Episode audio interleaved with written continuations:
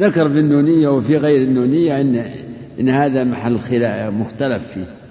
يقول والناس مختلفون في القلم الذي كتب القضاء به من الديان هل كان قبل العرش أو هو بعده؟ قولان عند أبي العلا الهمداني. والحق أن العرش قبل لأنه وقت والحق أن العرش قبل لأنه وقت الكتابة كان ذا أركان. يعني موجود لقوله في حديث عبد الله بن عمرو وكان عرشه على الماء. الله قدر مقادير الخلق قبل أن يخلق السماوات والأرض بخمسين ألف سنة وكان عرشه على الماء. يقول ابن القيم وكتابة القلم الشريف تعقبت إيجاده من غير فصل زمان فالعرش كان موجود. ومن الوعيد الذي تضمنته هذه النصوص قوله في الرواية الثانية من مات وهو لا يؤمن بال من مات وهو لا يؤمن بالقدر فليس مني. حديثه وفي الحديث الآخر في حديث من لم يؤمن بالقدر حرقه الله بالنار وحديث أبي وزيد وابن مسعود وحذيفة الحديث الذي يرويه ابن الديلمي يقول جئت إلى أبي فقلت له في نفسي من القدر شيء فحدثني بحديث لعل الله ينفعني به. فقال له إنك لو كان لك مثل أحد قال مثل ما قال ابن عمر لو لو كان لك مثل أحد ذهبا ثم أنفقته ما قبله الله منك حتى تؤمن بالقدر وتعلم أن ما أصابك لم يكن ليخطئك وما أخطأك لم يكن ليصيبك. ولو مت على غير ذلك كنت من أهل النار. يقول فأتيت إلى عبد الله بن مسعود وزيد بن ثابت وحذيفة رضي الله عنهم جميعا فحدثوني بمثل ذلك. ومناسبة هذا الباب لكتاب التوحيد ظاهرة لأن كما قلنا آنفا إن إنكار القدر نقض للتوحيد ونقص في التوحيد. فالذين ينكرون القدر يجعلون يقولون إن العبد هو الذي يخلق فعله. فأخرجوا أفعال العباد عن ملك الله وعن قدرة الله وعن مشيئة الله.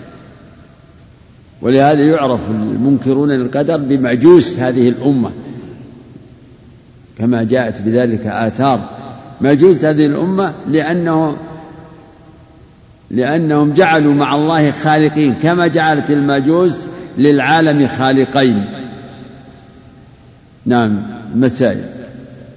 فيه مسائل. الأولى بيان فرض الإيمان بالقدر.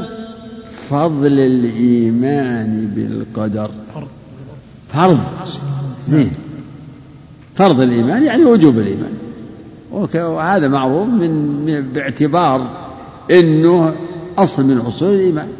فالإيمان به فرض ركن من أركان الإيمان أصل من أصول الإيمان. نعم. الثانية بيان كيفية الإيمان. الإيمان يكون باعتقاد أن ما أصاب الإنسان لم لم يكن ليخطئه وما أخطأ لم يكن ليصيبه هكذا يكون الإيمان. ولكن في الحقيقة الإيمان بالقدر إنما يتحقق بالإيمان بالأصول الأربعة التي يسميها العلماء مراتب الإيمان بالقدر. نعم. الثالثة إحباط عمل من لم يؤمن به. نعم. من لم يؤمن به يحبط عمله. لو أنفق مثل أحد ذهبا ما قبله الله منه حتى يؤمن بالقدر. إما أن يكون كافر تكون عقوبة له. يعني بعض الذنوب تكون تكون سببا لحرمان الثواب. نعم. الرابعة الإخبار أن أن أحدا لا يجد طعم الإيمان حتى يؤمن به. هذا قول عبادة بن الصامت. لا شك أن الإيمان بالله وملائكته وكتبه. يعني لها لها طعم في قلوب المؤمنين ومن لم يؤمن بالقدر لا يجد طعم الإيمان لأنه تتعلق نفسه بالأسباب ويعرض عن الله سبحانه وتعالى. أما إذا آمن بالقدر وعلم أن ما أصابه لم يكن ليخطئه وما أخطأ لم يكن ليصيبه ارتاح سمع يفعل الأسباب متوكلا على الله. يفعل الأسباب متوكلا على الله. يعرف أنه إن الأمر إن الأمر كله لله. نعم. الخامسة ذكر أول ما خلق الله.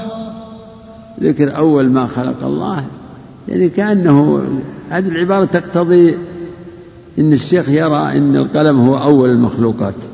نعم. السادسة أنه جرى بالمقادير في تلك الساعة إلى يوم قيام الساعة. نعم. هذا جناس.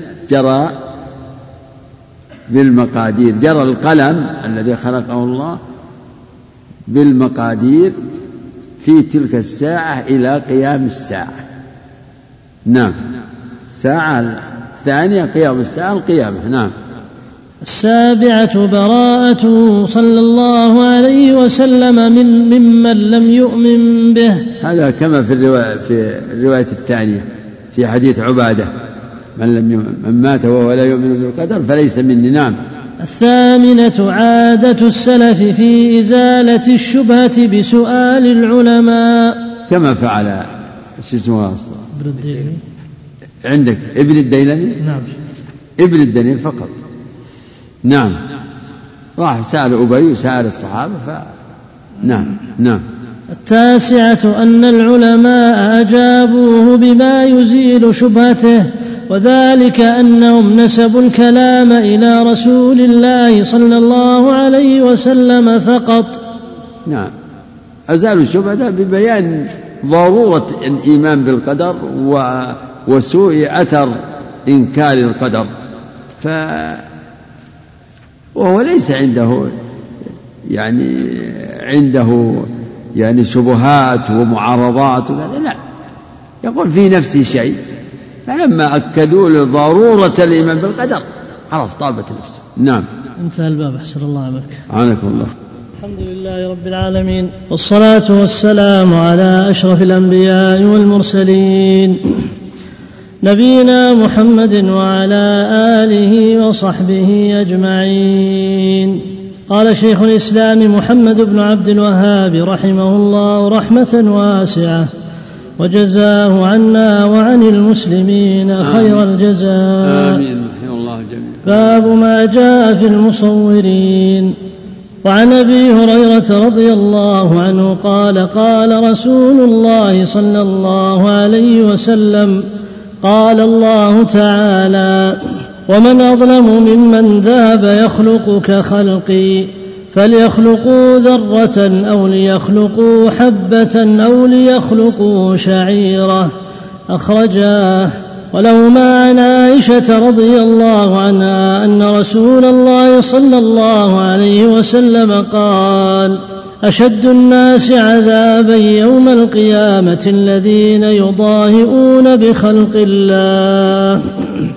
ولهما عن ابن عباس رضي الله عنهما سمعت رسول الله صلى الله عليه وسلم يقول كل مصور في النار يجعل له بكل صورة صورها نفس يعذب بها في جهنم.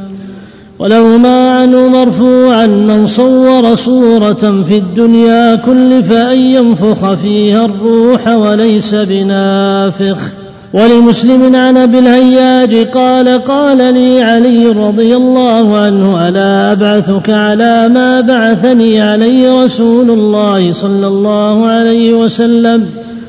ألا تدع صورة إلا طمستها ولا قبرا مشرفا إلا سويته. أحسنت. أحسن الله عليك. قال الشيخ رحمه الله باب ما جاء في المصورين. يعني هذا باب ذكر ما جاء في المصورين من الوعيد الشديد. وقد استفاضت سنة الرسول عليه الصلاة والسلام في النهي عن التصوير.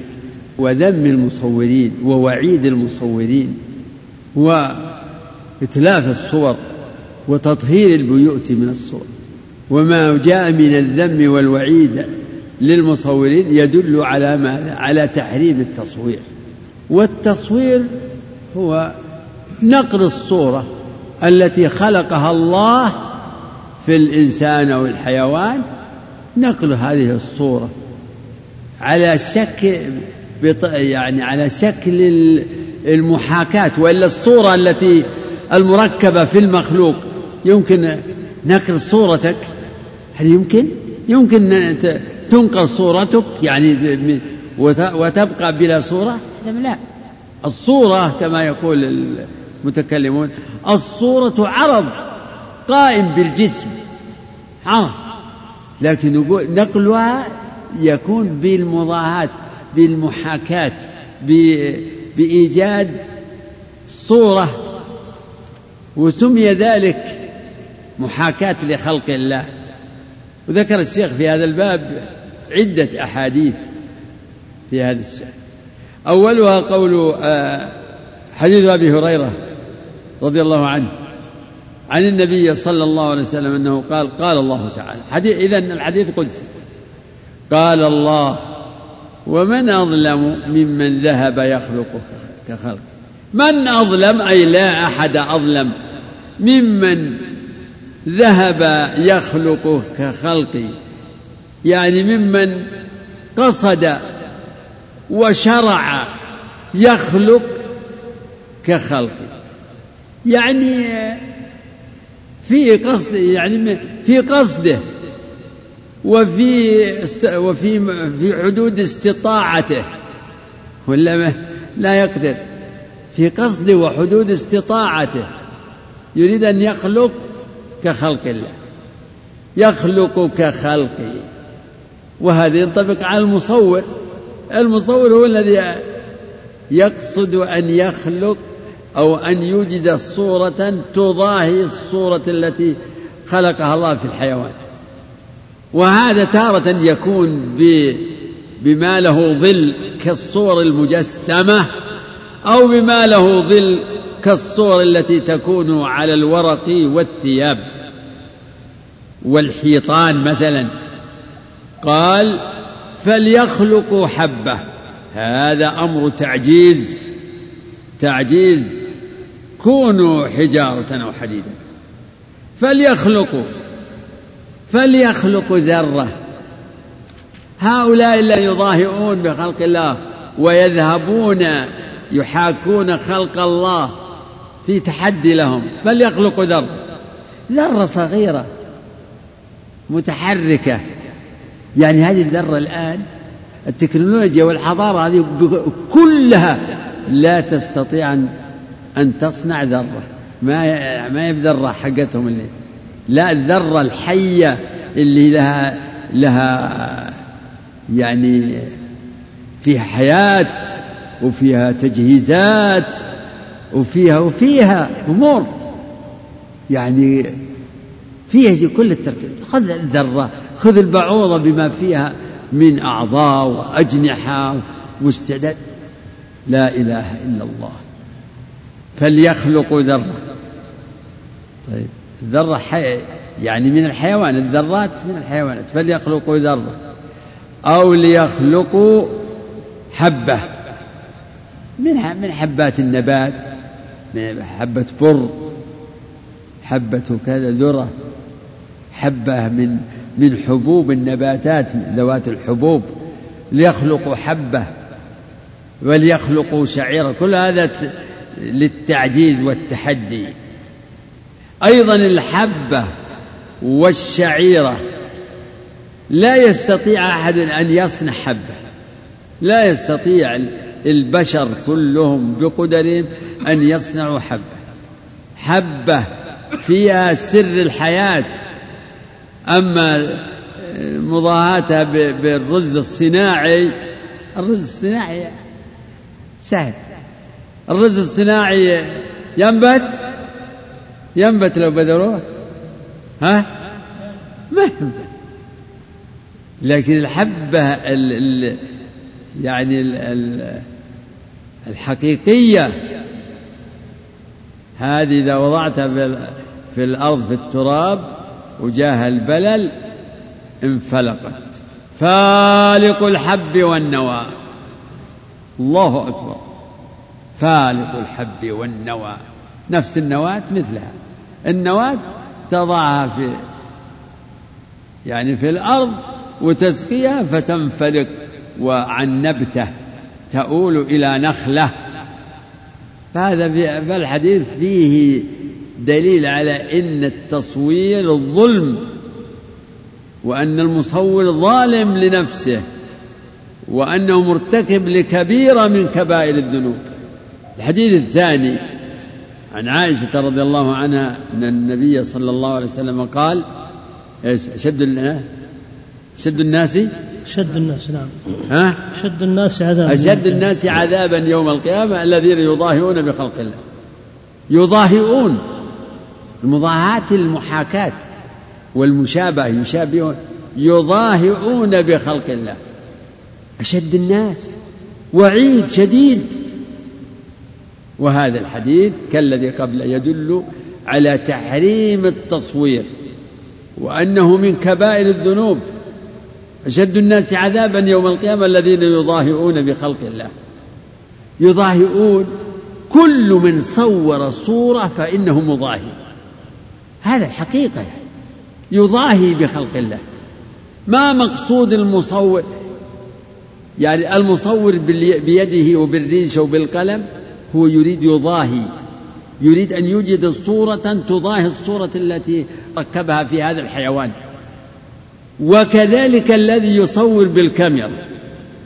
هو يريد أن يوجد صورة تضاهي الصورة التي ركبها الله في الحيوان. يريد أن يوجد صورة تضاهي. ومن, ومن الغلط الظاهر القول بأن هذا ليس بمضاهاة وأن هذا ليس بتصوير وأنه وأنه. شبهة وقعت يعني قال بها بعض الناس في غير هذه البلاد ثم سرى هذا هذا النظر إلى بعض يعني بعض علماء هذه البلاد. سرى. وقالوا إن هذا ما في مضاهاة ما في مضاهاة سبحان الله يضاهي. ما في مضاهاة إيش تريد بمقابلة الكاميرا للجسم المصور. ما تريد؟ أن تريد أن توجد صورة. زعموا أن هذا ليس من فعلك. هذا ما هو من فعلك. إذا صور ما شئت وقل هذا ما هو من فعلي. انصب الشبكة وهي فإذا وقع فيها الطائر فقل هذا من فعل ما هو من فعل هذا من فعل الآلة هي التي اصطادت. والآلة الآلة هي هي أداة. يعني ما ينتج عن الآلة منسوب للآلة ولا منسوب للمكلف؟ منسوب للآلة؟ إذا قل أنا ما سويت شيء ولا صورت ولا فعلت ولا ثم هذا فيها مغالطة عجيبة. نفس اللي يرتبها ويقابلها يسمى مصور. ولا بد يصير عنده خبرة أيضا. المصور لازم يصير عنده خبرة. وأخيرا انفتح هذا الباب على أوسع نطاق. وفي هذا بلاء ابتلاء لنا.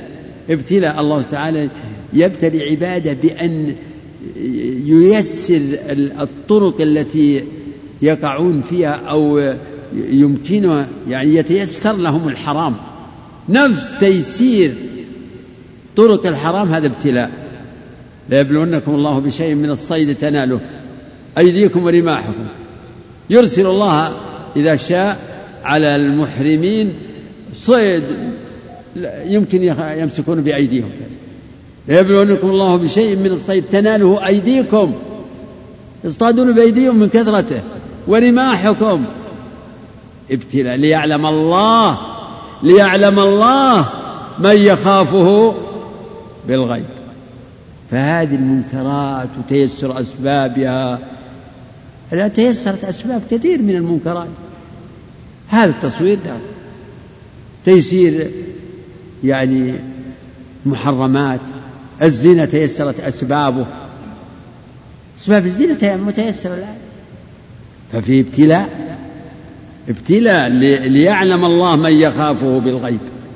الآلة ما يعني ما يقف الحد عندما يقول يسمونه حبس الظل. يعني وتنتهي المسألة عند إن الصورة حبست الظل. لا يتحكمون فيها. يتحكمون فيها بالتلوين بالتجميل بالتشويه بالتكبير بالتصغير. نفس العالم لهم فيها لهم فيها أفعال كثيرة ما هو فقط يعني كما يسمونه نقل الصورة نقل الصورة. أنت إذا يسمون الناس قديما يسمون نقل الخط خط فلان يسمونه نقل ينقل الكتاب ينقل نقل. هذا نقل وهو تصوير يمكن ينقل على على نحو هذا الخط. صورة الخط. إذا صورت خط فلان تقول خطه هو خطه ولا ما هو خطه؟ هذا خطه لكنه صورة صورة لخطه الذي باشره ولكنه يحكي يحكي تماما. ما هو بخطه لا هي صورة خطه. صورة لخطه. فإذا قلنا إن هذا خطه ففي تجوز في تجوز قد قد تنقل خط فلان بالتصوير وتعمل فيه عمل بالتكبير لكن الهيئة هي هي. بالتكبير تصغير يعني الحجم. نعم الحديث الثالث عن ابن عباس. كل مصور حديث ابن عباس. كل مصور في النار. هذا وعيد شديد صريح. لا إله إلا الله. كل مصور في النار. يجعل له بكل صورة صورها. نفس يعذب بها في جهنم. يجعل له بكل صورة صورها. نفس يعذب بها في جهنم. بكل صورة. عام. صور ال ال ال يعني ولن نقول إن هذا كيف يصير مع كثرة التصوير الباطل باطل ولو كثر. قل لا يستوي الخبيث والطيب. قل لا يستوي الخبيث والطيب ولو أعجبك كثرة الخبيث. كثرة الباطل وكثرة الحرام وانتشار الحرام وغلبة الحرام ما تغير من الحكم. يلا هذا الدخان. الدخان يشرب الآن بتوسع يباع ويروج ويشرب. خلاص يعني يتغير. يقول والله صعب. صعب أن نقول للناس الدخان حرام. صعب. يعني صعب نقول للناس كلهم طيب الناس كلهم يشرب يشرب كثير منهم الدخان. لا هو حرام. ولو أطبق عليه الناس هو هو حكم. ولو أطبق. كذلك التصوير هو حرام. ولو أطبق الناس على على على هذا البلاء. تصوير. يجعل له بكل صورة صورها نفس يعذب في جهنم. وهذا مما يستدل به على ما يستدل به على إن التصوير المحرم هو تصوير ذوات الأرواح التي لها نفوس يجعل له بكل صورة صورها نفس يعذب بها في جهنم ويؤيده. الرواية الثانية من صور صورة في الدنيا كلف أن ينفخ فيها الروح يوم القيامة. تكليف تعجيز وتكليف في تعجيز وتهديد يتضمن التهديد وليس بنافخ وفيه إخزاء إخزاؤه يعني فيها خزي. أن أنت يعني حاولت تضاهي بخلق الله الآن أنفخ فيها الروح. أنفخ فيها. كلف أن ينفخ فيها الروح وليس بنافخ. مستحيل ينفخ فيها روح ويحييها. هذا لله وحده. لكن في تعجيز له وتوبيخ له وإخزاء. وهذا أيضا يدل على إن التصوير المحرم المغلظ تحريم هو تصوير ذوات الأرواح.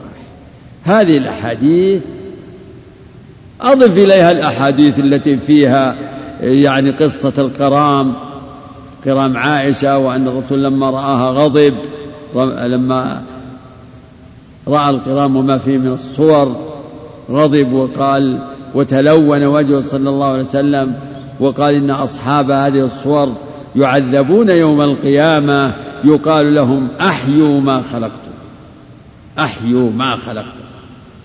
والأحاديث التي فيها آه، لا يدخل لا تدخل الملائكة بيتا في كلب ولا صورة وحديث جبريل وأنه يعني لم يأتي للرسول على في وقته المعتاد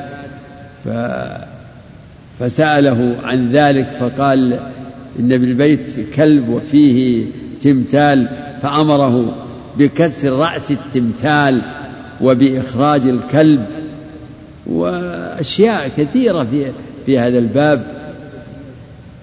نعم. كما دلت السنة على طمس الصور. هذا من إنكار المنكر طمس الصور من إنكار المنكر.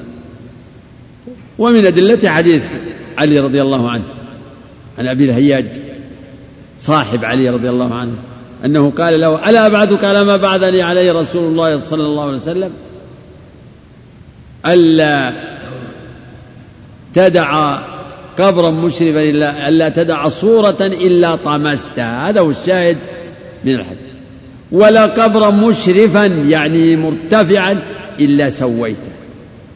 فهذه الحديث وغيرها تدل الدلالة القاطعة على تحريم التصوير تصوير ذوات الأرواح. أما ما كان باليد فهذا لا ينازع فيه أكثر. يعني العلماء وطلبة العلم. وأما ما كان بالكاميرا فقد وقعت فيه الشبهة وتلقف الناس هذا الرأي تلقف. فالناس الآن الذين يمارسون التصوير يعني أنواع منهم من هو يعني متأول ويعتقد أنه أنه جائز وأنه لا شيء فيه يعني باجتهاده ومنهم من يفعل ذلك مقلدا يعني تقليدا آه، يعني مع حسن القصد ومنهم ومنهم ومنهم من هو آه، مجتهد اجتهادا مشربا بمسايرة العصر ومنهم هكذا ومنهم المقلد أيضا تقليدا فيما يوافق الرغبة ومنهم من الأمر سيان ما عندهم لا يعني فرقان ولا مبالاة بحرام لكن يتخذون من كلام بعض المجتهدين شبهة يدفعون بها اعتراض من يعترض عليهم. وقد عم البلاء وعمت البلوى بهذه الفتنة. ولم يقف الحد.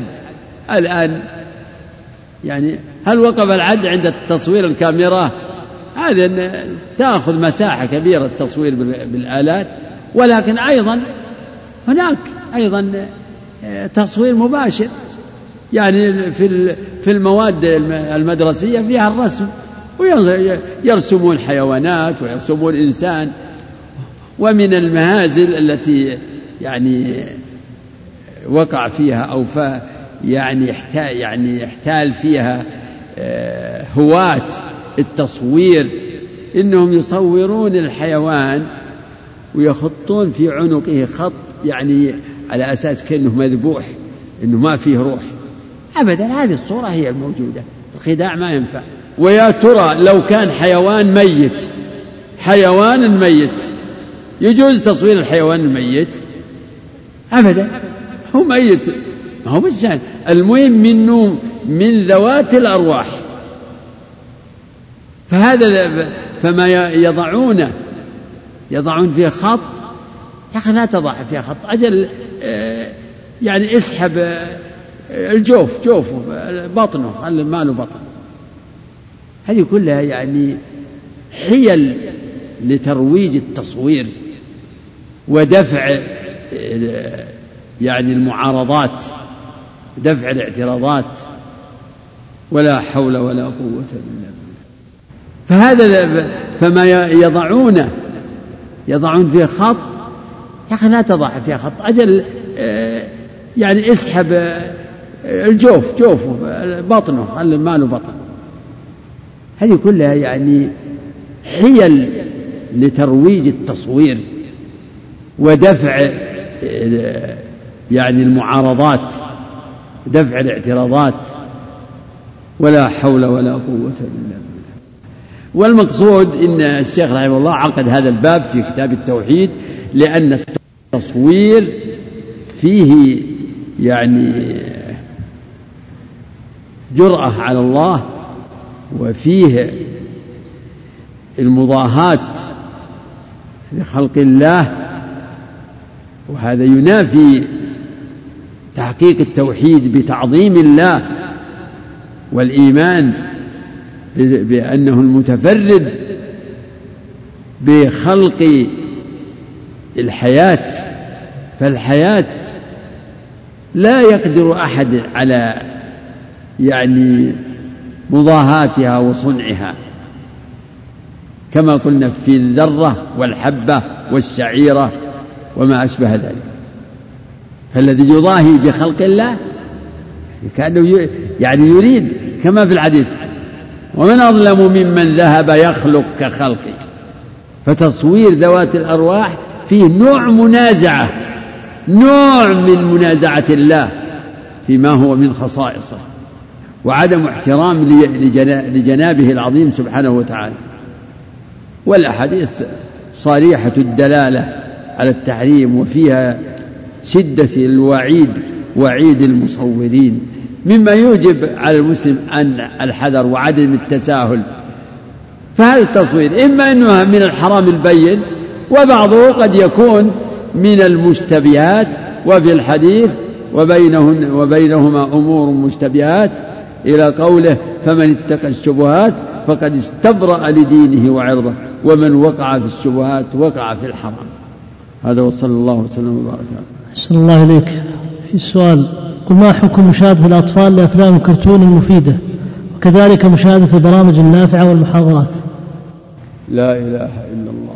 ما أرى أن هناك تربية الأطفال على مشاهدة البرامج في تربية لهم على يعني مشاهدة الشاشة والتعلق بها حتى إذا كبروا طلبوا سوى ما طلبوا ما يناسبهم وما يعجبهم لأنهم تعودوا مشاهدة التلفزة ومشاهدة هذه البرامج. والبرامج المفيدة ما ما هي المفيدة؟ الشأن في هذه الإفادة. كثير مما يعرض ليس في خصوص كثير ليس في خصوص الصورة كبير فائدة. افرض يقول بعض الناس مثلا مشاهدة المتحدث المحاضر الخطيب ما هي الفائدة؟ إنك إنك تشاهد صورته. هل المهم إنك تشاهد صورته وحركاته أم المهم إنك تسمع الكلام؟ الفائدة فيما يلقى من الكلام من الخطيب والداعي والمحاضر. أما صورته ف يعني إذا كنت في مسجد والخطيب يخطب وأنت لا تراه هل يتفوق عليك الذي الذي ينظر صورة يتفوق عليك في في في الفائدة؟ أبدا أنت يعني غاية الأمر نقول بل ربما إنك أنت أكثر استفادة منه لأنك تركز على ما يلقي من الكلام. وهذا لا ينظر إلى صورته وحركته و وإلى وإلى يعني جوانب ما لها يعني كبير أهمية. والله أعلم. الحمد لله رب العالمين والصلاة والسلام على أشرف الأنبياء والمرسلين نبينا محمد وعلى آله وصحبه أجمعين. قال المؤلف رحمه الله تعالى في باب ما جاء في المصورين.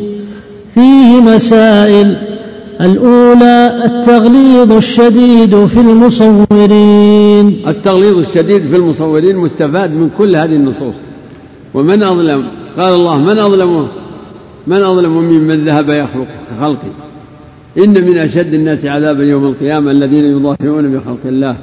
من صور صورة في الدنيا كل فأن ينفق فيها الروح ليس بنافع. من صور صورة في الدنيا جعل له بكل صورة صورها. نفس يعذب بها في جهنم نعم. الثانية التنبيه على العلة وهي ترك الأدب مع الله. لقوله ومن أظلم ممن ذهب يخلق كخلقي نعم المصور قد أساء الأدب مع الله حيث ذهب يضاهي بخلق الله الذين يضاهئون بخلق الله. فلهذا جاء في الحديث من أظلم ممن ذهب يخلق كخلقه؟ ممن ذهب يخلق كخلقي فليخلق ذرة أو ليخلق حبة أو ليخلق شعيرة وأنى لهم ذلك. نعم. الثالثة التنبيه على قدرته وعجزهم لقوله فليخلقوا ذرة أو ليخلقوا شعيرة. لا. إله إلا الله لا إله إلا الله. يعني يقول الشيخ أن هذه جملة فيها التنبيه على كمال قدرته وعجز المخلوق. فالله خلق السماوات والأرض وما بينهما وما فيهن وهذا المخلوق يعجز أن يخلق شعيرة أو أو حبة الحبوب من البر أو غيره أو يخلق ذرة. ومع هذا العجز يظلم نفسه يظلم نفسه بمضاهاة خلق الله. نعم. الرابعة التصريح بأنهم أشد الناس عذابا. هذا في حديث ابن عباس أو حديث عائشة. أشد الناس عذابا يوم القيامة الذين يظاهرون بخلق الله. هذا فيه تغليظ وتشديد وتحذير بالغ. اللهم المستعان أعد المسألة. التصريح بأنهم أشد الناس عذابا. الله أعلم. جاء في القرآن إن قوم فرعون هم أشد أشد أهل النار عذابا لقوله أدخلوا آل فرعون. أشد العذاب. جاء في المنافقين إن المنافقين في الدرك الأسفل من النار. فهذا إما على تقدير من من أشد الناس عذابا من أشد الناس عذابا الذين يظاهرون بخلق الله. أو إن المراد إنهم أشد أهل المعاصي أشدهم عذابا الذين يظاهرون بخلق الله.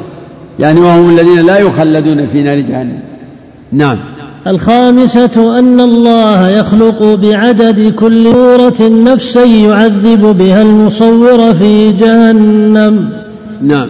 كل مصور في النار يجعل له بكل صورة صورها. هذا فيها أن الله يجعل للمصور بكل صورة صورها نفس يعذب بها في جهنم. وهذا يعني وعيد شديد نسأل الله العافية. ما حال من من يكون عمله ودأبه التصوير نسأل الله العافية. أعوذ بالله. عمله حرفته حرفته التصوير يصور دائما وأبدا. نعم فعلا. السادسة أنه يكلف أن ينفخ فيها الروح. هذا من الحديث الآخر.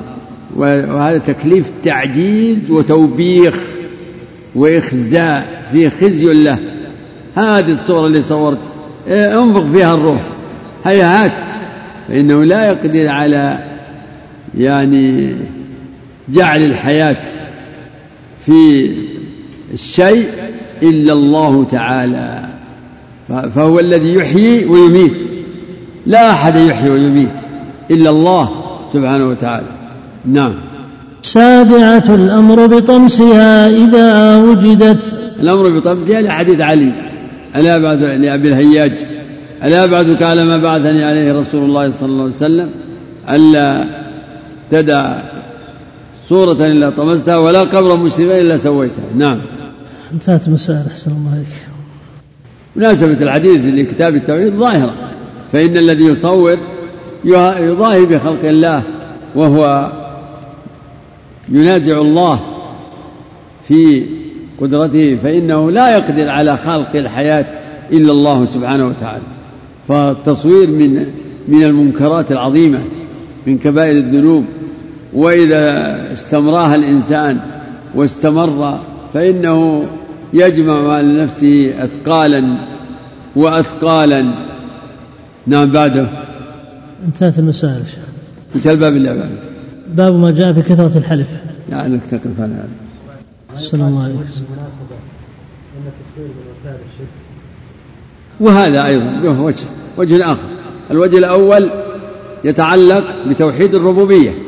تصوير ينافي تحقيق توحيد الربوبية. وما ذكرته يتعلق بتوحيد العبادة. نعم. والواجب يعني الاجتهاد في اتقاء التصوير.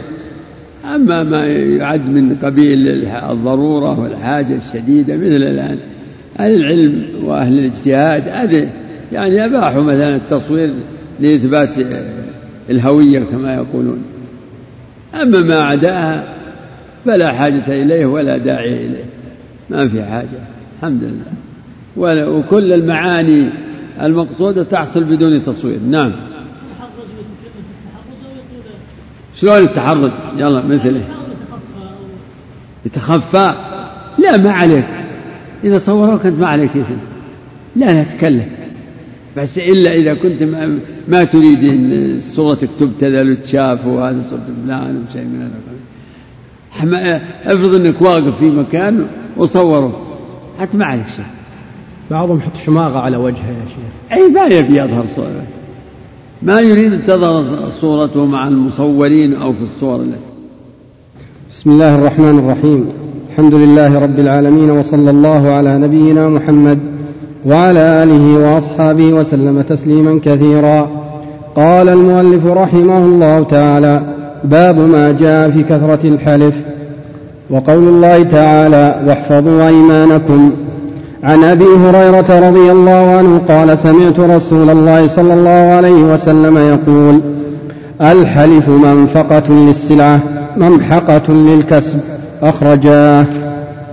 وعن سلمان أن رسول الله صلى الله عليه وسلم قال ثلاثة لا يكلمهم الله ولا يزكيهم.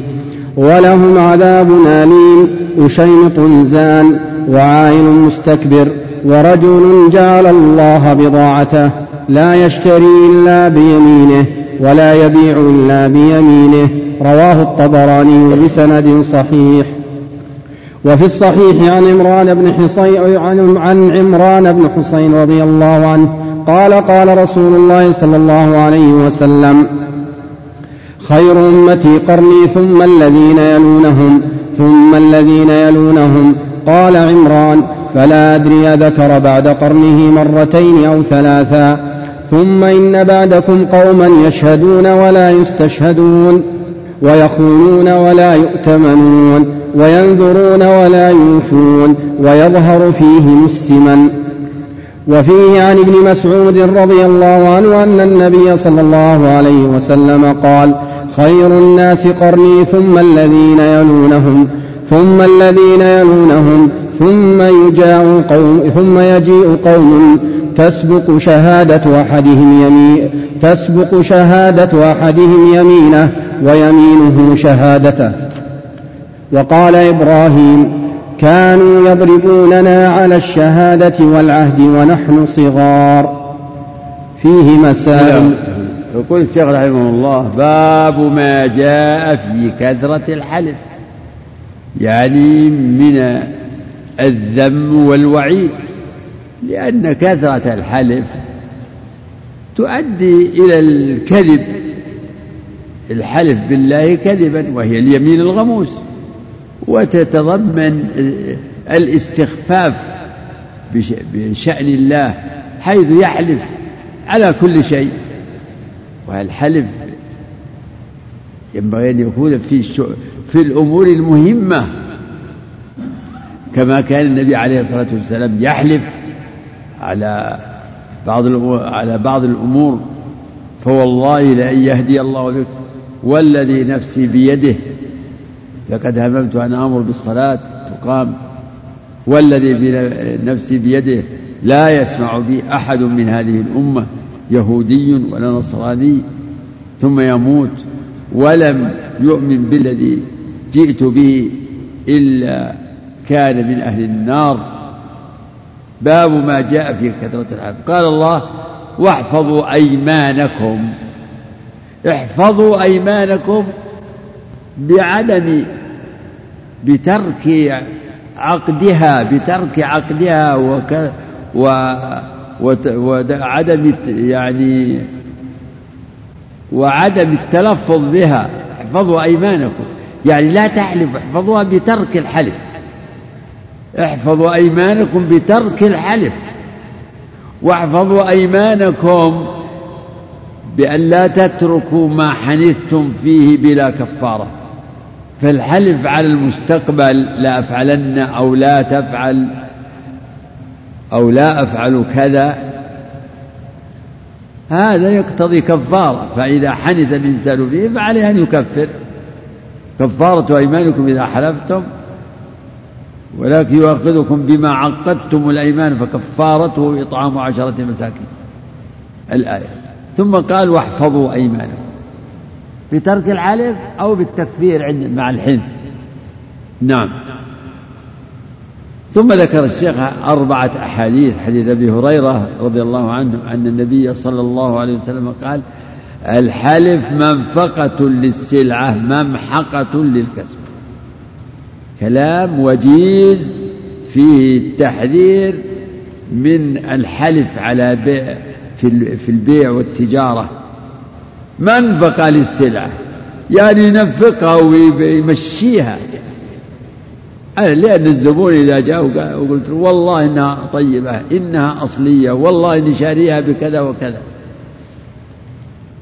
والله ما بعت بأنزل من كذا إلى آخره كما يفعله بعض تجار بعض الباعة. ما منفقة للسلعة لكنها ممحقة للكسب. الربح اللي يجي من من وراء كثرة الحلف وتسويق السلعة بالأيمان ممحوق البركة. يمحق الله الربا ويربي الصدقة مما يدل على أن الكسب الحاصل بكثرة الأيمان أنه سحت ممحقة للكسب. وذكر حديث سلمان رضي الله عنه. ثلاثة لا يكلمهم الله ولا يزكيهم ولهم عذاب أليم. أشيمط زال يعني رجل شاخ مع ذلك يزني. قد اختلط سواد شعره ببياضه فتجاوز سن الصبا والشباب والقوة مع ذلك يزني. وشيمط زال وهذا وزنا الشيخ أقبح من زنا الشاب وإن كان الكل كبيرة من كبائر الذنوب. لكن الكبيرة من جنس تتفاوت فالسرقة من من غني أهون من سرقة من فقير مسكين. يصير في هذا زيادة عدوان وزيادة مضرة زيادة إضرار. كما كان الزنا بحليلة الجار أقبح وأعظم جرما من الزنا بال يعني ببعيدة أو بامرأة يعني آه، من ليس بجار بعيد. وهذا يقال وسيمط زان وعائل مستكبر عائل يعني فقير ومع ذلك مستكبر. كيف لو كان غنيا؟ كيف يصنع؟ إذا كان هو فقير يتكبر على الناس فكونه هذا أقبح التكبر من العائل أقبح من تكبر الغني الغني يعني عنده ما يحمله على الكبر وكم من غني متواضع. وأما الفقير فما الحامل له على الكبر؟ عائل مستكبر. ورجل وهو الثالث جعل ورجل جعل الله بضاعته. يعني هو هو التجارة. جعل الله هو التجارة بالأيمان هو الوسيلة لترويج تجارته. لا يبيع إلا بيمين ولا يشتري إلا بيمين. حلاف مهين ولا تطع كل حلاف مهين.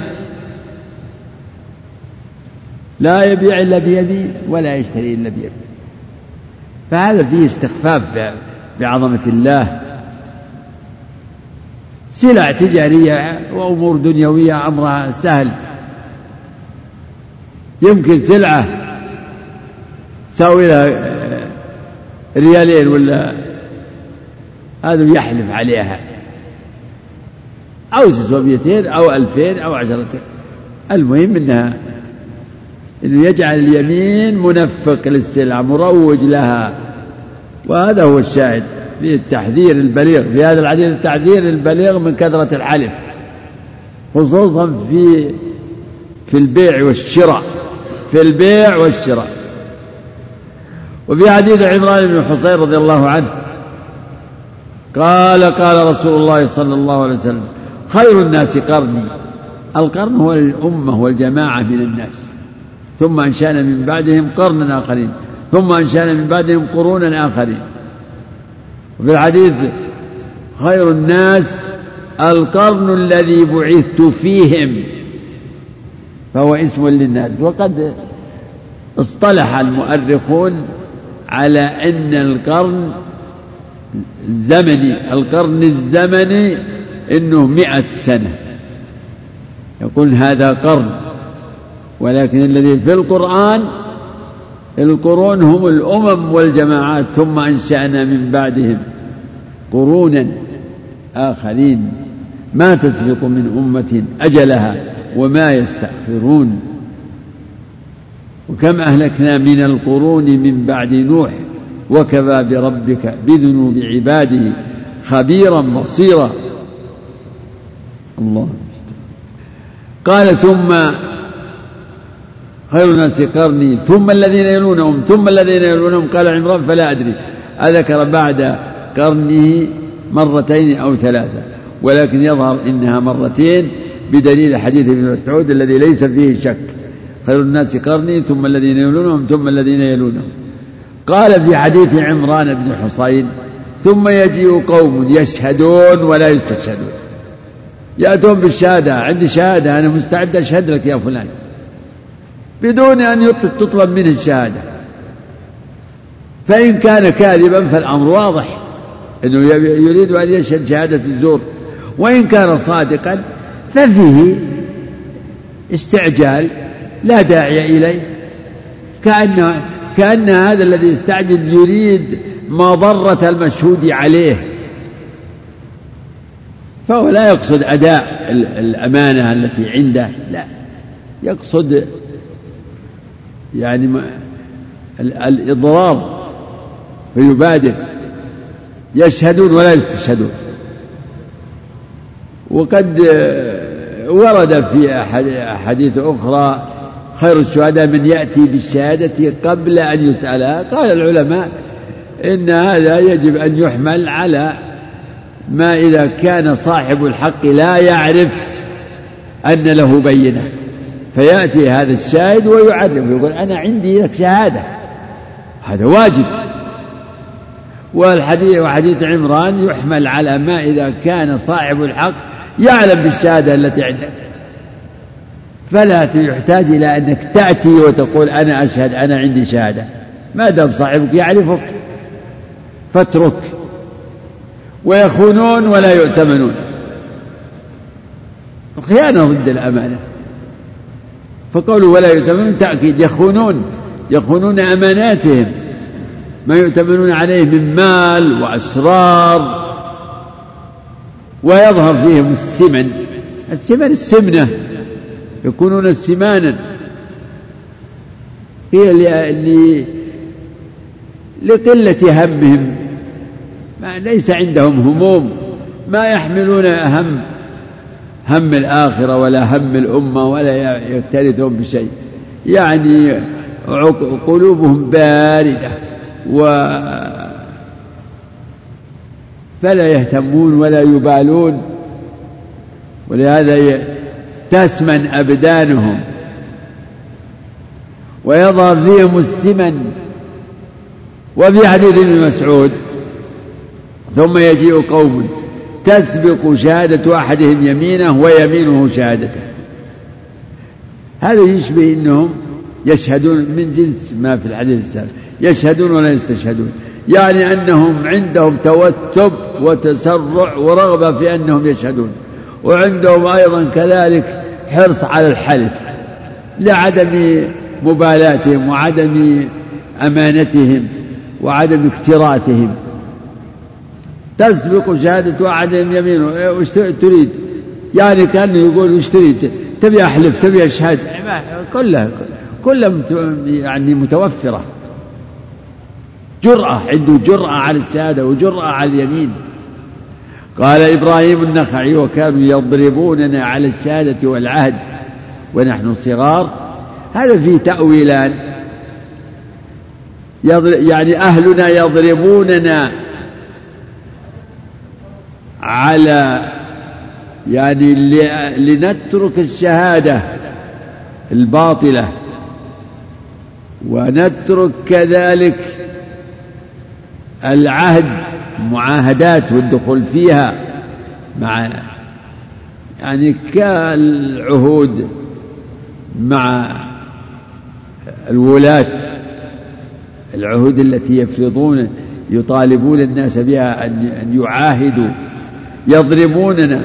وقيل بالعكس إن أنهم يضربون من قبل ولاة الأمر يضربونهم ليشهدوا ويضربونهم ليعاهدوا. وهذا الثاني عندي أظهر والله أعلم. اقرأ المسائل. فيه مسائل الأولى الوصية بحفظ الأيمان. من الآية واحفظوا أيمانكم. نعم. الثانية الإخبار بأن الحلف منفقة للسلعة ممحقة للبركة. هذا حديث كما في حديث أبي هريرة. نعم. الثالثة الوعيد الشديد في من لا يبيع ولا يشتري إلا بيمينه. نعم. هذا ظاهر. ثلاثة لا يكلمهم الله ولا يزكيهم ولهم عذاب أليم وذكر الثالث منهم. نعم. الرابعة التنبيه على أن الذنب يعظم مع قلة الداعي. نعم. هذا ظاهر في في الرجلين الأشيمط الزاني والعائل المستكبر. أن الذنب يعظم مع قلة الداعي.